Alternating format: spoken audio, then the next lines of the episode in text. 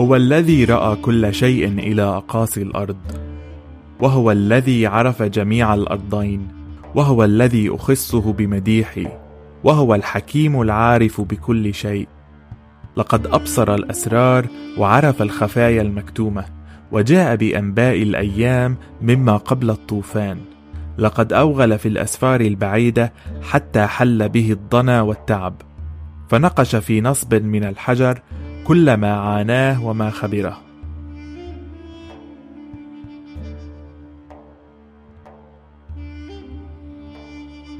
أهلا بكم في الحلقة الرابعة من أساطير بودكاست. جلجامش وأنكيدو خليل من السماء. أنا عادل وأسطورتنا اليوم قادمة من بلاد ما بين النهرين العراق وعمرها تقريبا أربعة آلاف عام. وتعد أقدم نص أدبي معروف.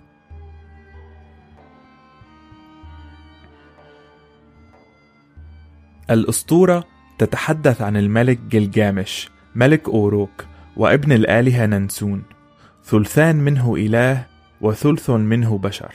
وصف في الألواح فقيل عنه بعد أن خلق جلجامش وأحسن الإله العظيم خلقه حباه شمش السماوي بالحسن. وخصه أدد بالبطولة. جعل الآلهة العظام صورة جلجامش تامة وكاملة. كان طوله أحد عشر ذراعا وعرض صدره تسعة أشبار ثلثان منه إله وثلثه الباقي بشر وهيئة جسمه لا نظير لها وفتك سلاحه لا يصده شيء. وعلى ضربات الطبل تستيقظ رعيته. كان جلجامش يعوث في الأرض فسادا فكان يأخذ الشبان للحرب ويشترط المبيت مع كل فتاة في المدينة ليلة عرسها ولم تنقطع مظالمه عن الناس ليل نهار. فسئم سكان أوروك منه وقاموا بالصلاة للآلهة أرورو لكي تردعه عنهم. استجابت لصلواتهم وخلقت أنكيدو من طين ورمته في البرية ليعيش مع الحيوانات. كان أنكيدو يشبه الحيوان أكثر من الإنسان فكان شعر رأسه طويلا وجسمه كان مغطى بالشعر وكان يتصرف مثل الحيوانات يرعى ويشرب ويبيت مع الظباء وكان واضحا أنه قوي جدا. في يوم من الأيام التقى به صياد عند النهر فخاف الصياد وهرب إلى أوروك لإخبار جلجامش عن هذا المخلوق الغريب. عندما سمع عن أمره أمر بإرسال فتاة إلى البراري لترويضه. أمر جلجامش الفتاة أن تغري أنكيدو بجسدها فما إن رآها سينجذب إليها وستنبذه باقي الحيوانات. هذه الفتاة كانت تدعى شامهات أخذ الصياد شامهات واتجها إلى النهر عند مورد الماء. دامت رحلتهم ثلاثة أيام وانتظروا أنكيدو يومان حتى جاء مع الظباء لشرب الماء. ما إن رأى أنكيدو الفتاة إلا وانجذب إليها وقضى معها ستة أيام وسبع ليالي. خلال هذه الأيام قامت شامهات بإخبار أنكيدو عن جلجامش وآنو وأوروك المدينة الرائعة. بعدها قرر العودة إلى البراري لكن ما إن رأته الظباء حتى ولت هاربة فعاد أنكيدو إلى الفتاة وهو حزين. وطلب منها أن تأخذه إلى بلاد المشرق التي حدثته عنها ليردع جلجامش الذي يتسلط على الناس كالثور الوحشي. في هذه الأثناء وبينما كان أنكيدو والفتاة في طريقهم إلى أوروك استيقظ جلجامش وهرع إلى أمه الآلهة ننسون ليسألها عن تفسير حلم كان قد رآه. رأى جلجامش أنه كان يحتفل مع الأبطال وفجأة ظهرت كواكب السماء وسقط إحداها كالشهاب. حاول رفعه أو زحزحته لكن لم يستطيع. تجمع الناس أمام الكوكب وتزاحموا على تقبيل قدميه. ثم ساعدوا جلجامش على حمله وجلبه إلى أمه. بعد أن انحنى فوقه كما ينحني فوق امرأة. أجابته بأنها ترى صاحبا له قويا صنديدا أقوى من في البراري. أما انحناءه فوقه فهذه دلالة على أن الصديق سيلازمه ولن يفترقا أبدا. في اليوم التالي عاد جلجامش إلى أمه بحلم آخر. هذه المرة رأى الناس متجمعة حول فأس غريبة الشكل في أوروك. لما رآها أحبها وانحنى عليها كما ينحني فوق امرأة. ثم جاء بها ووضعها عند قدمي ننسون فجعلتها نظيرا له. قالت ننسون أن بانتظاره صاحب قوي يعين الصديق عند الضيق. رد جلجامش وقال أنه يتمنى أن تتحقق هذه الرؤية. في طريقهما إلى أوروك أخبرت الفتاة أنكيدو المزيد عن المدينة وعن جلجامش وننسون وآنو وعشتار ثم قصت من ثيابها لإلباسه وعلمته أكل الخبز وشرب الشراب القوي حيث أن أنكيدو كان يعيش في البراري. يرعى مع الظباء ولا يعرف كيف تؤكل الخبز أو ترتدى الملابس ثم رطبته وطيبته فتغيرت هيئته.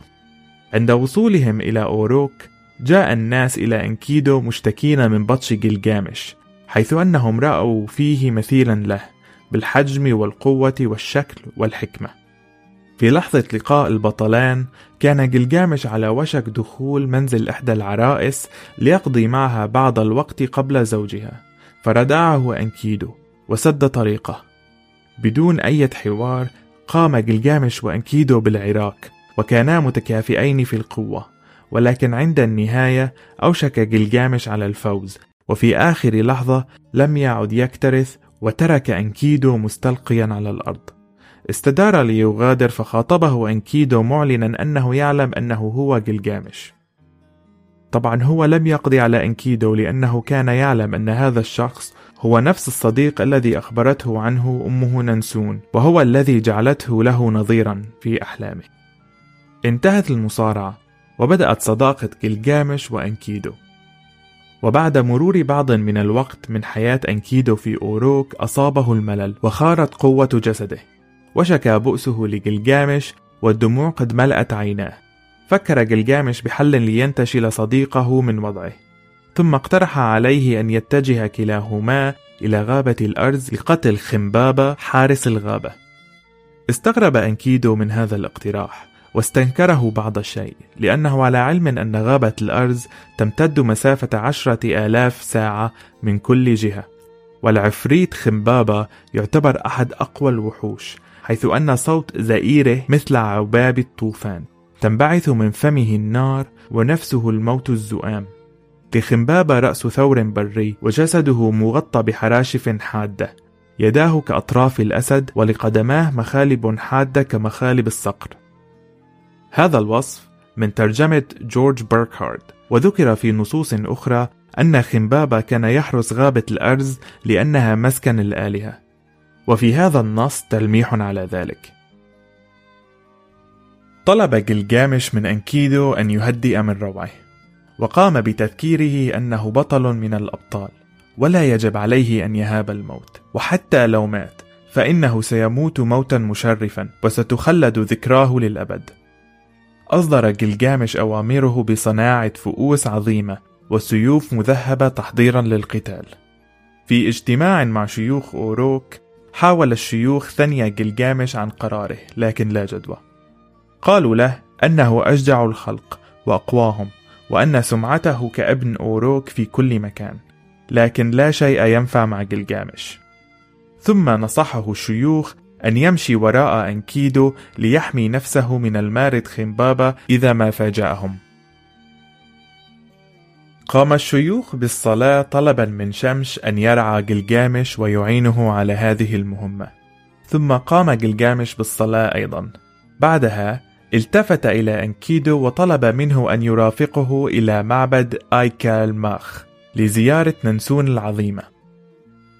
مثل جلجامش أمام والدته وأقر أنه على وشك أن يخوض مغامرة لا يعلم عقباها وطلب منها أن تصلي لأجله.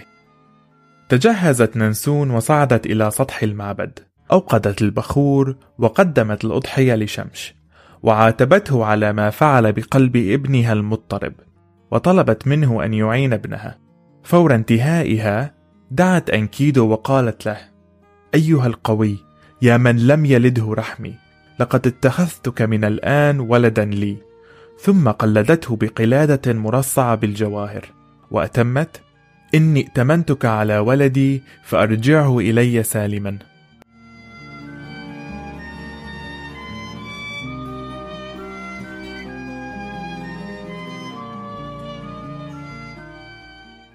انطلق جلجامش وأنكيدو إلى غابة الأرز.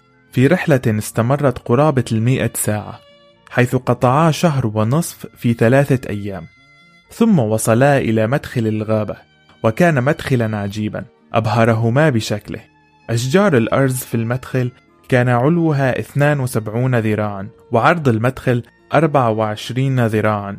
وعلى المدخل كان يوجد عفريت عينه خنبابة حارسا للبوابة.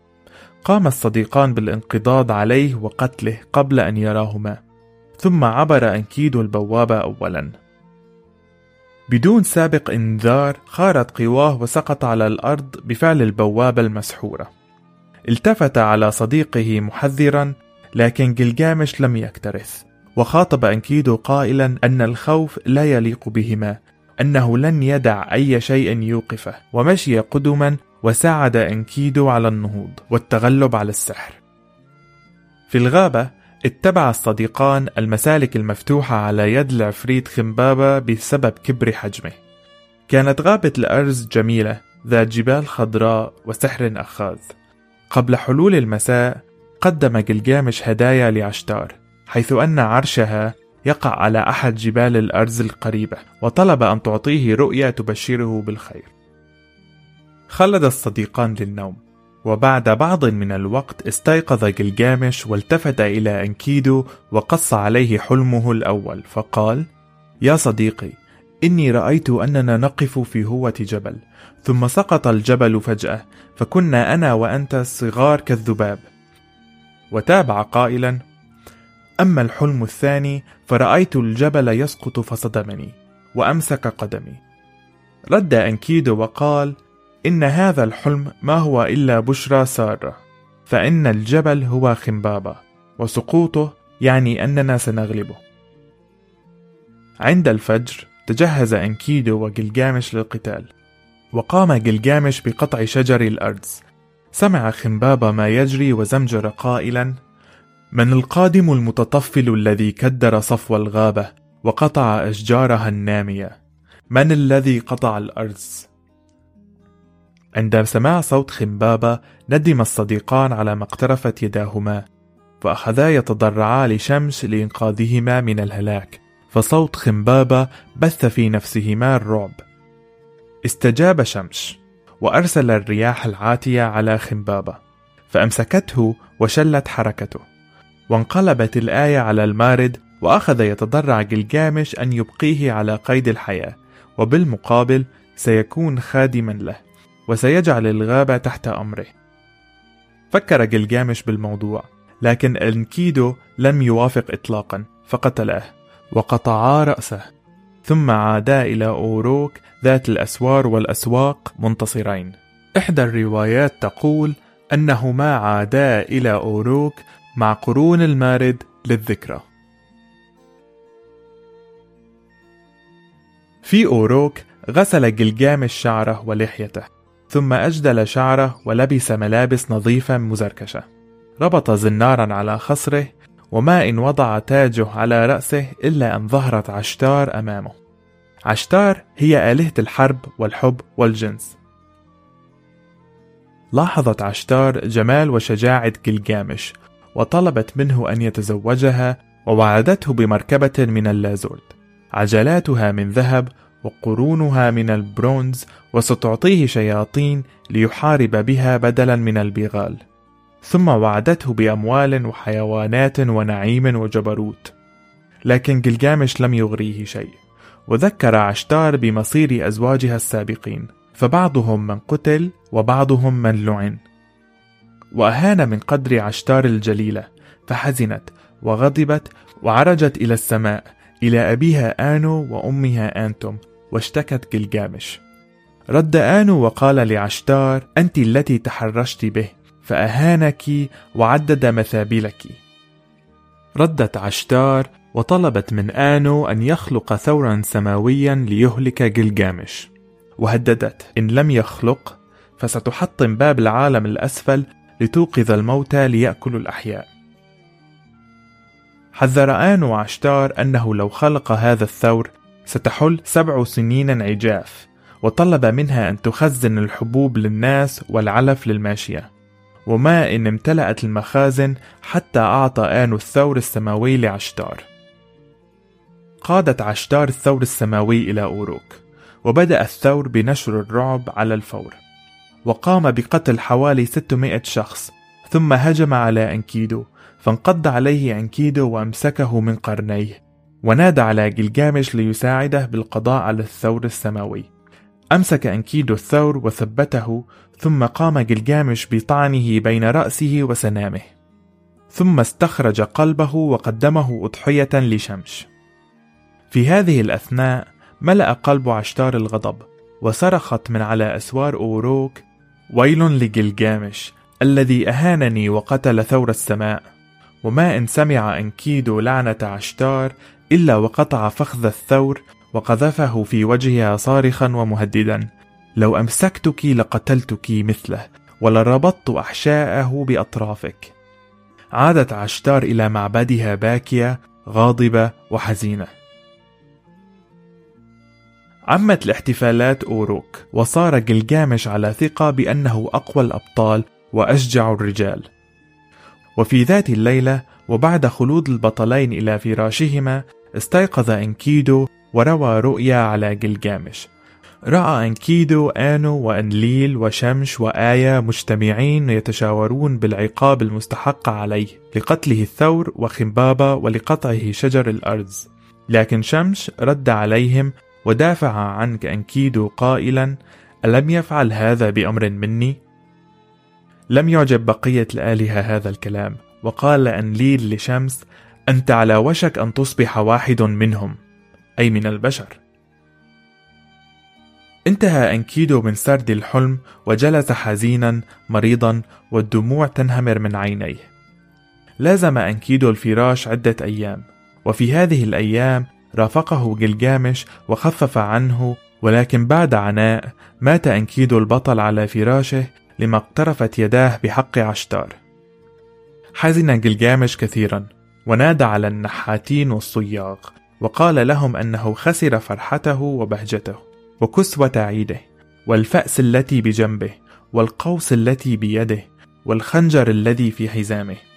وأمرهم أن يصنعوا تمثالا لخله صدره من لازورد وجسمه من ذهب لتخليد ذكراه رثى جلجامش صديقه وبكى بكاء مريرا وهام في البراري وبدأ بالتفكر. حيث أنه أدرك أن وقته في هذه الدنيا محدود مهما كان عظيما وطويلا. بعد تفكر قرر جلجامش الذهاب لرؤية جده الأبدي أوتو نبشتم صاحب الاسم الذي يعني الذي رأى الحياة وهو بطل الطوفان البابلي الذي وهب الحياة الأبدية. في إحدى الليالي وبينما كان جلجامش في طريقه لرؤية جده أوتو نبشتم أيقظه حلم رآه. رأى أنه يمشي في ضوء القمر حوله الأسود لكن قبل أن تنقض عليه قام بقتلها. فاستبشر خيرا من هذا الحلم.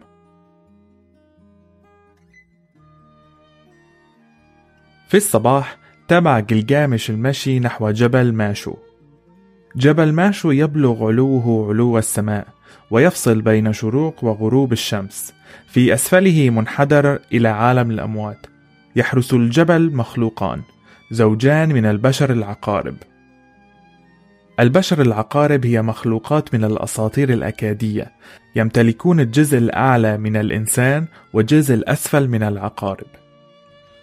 بث منظرهما الرعب في قلب جلجامش ولكنه تمالك نفسه واقترب منهم.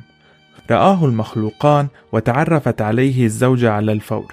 التفتت إلى زوجها وقالت له إن هذا الشخص ثلث منه بشر وثلثاه إله. التفت الزوج العقرب إلى جلجامش وسأله ما الذي جاء بك إلى هنا يا نسل الآلهة؟ أجاب جلجامش أنه أتى قاصدا أوتو نبشتم ليسأله عن لغز الحياة. استغرب الرجل العقرب وقال لم يعبر هذه المسالك أحد قط حيث يعمها الظلام وتمتد مسافة 12 ساعة مضاعفة. وأضف على ذلك صعوبة الطريق. أصر جلجامش على طلبه فما كان من الرجل العقرب وزوجته إلا أن يرشداه على الطريق الصحيح لعبور جبل ماشو.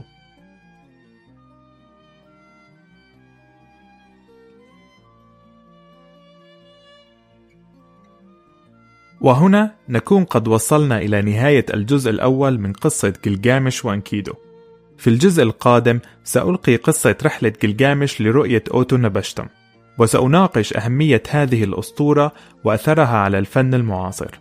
لكن قبل أن أنهي الحلقة أود أن أشارككم ما استوقفني في الجزء الأول ألا وهو إصرار جلجامش على قتل خنبابة حارس الغابة بدون أي سبب. فكان من الممكن أن يصطحب أنكيدو إلى رحلة صيد ليرفه عنه لكن لا قتل خنبابة العفريت الأسطوري كان خيارة وهذا أدى إلى موت أنكيدو فلو لم يقتلوا المارد لما أعجبت عشتار به. هل برأيكم في هذا شيء من التعبير المجازي من وجهة نظر الإنسان في القرن الواحد والعشرين طبعا؟ عن أثر البشر على كوكب الأرض وبالتالي أثر الاحتباس الحراري على الإنسان؟ طبعا هنا خنبابة يمثل كوكب الأرض وأكيدو يمثل البشر. أجمل شيء في قراءة الأدب هو محاولة فهم ما يجري من منظورك الشخصي وتفسير القصة كما تريد في مجال المنطق طبعا.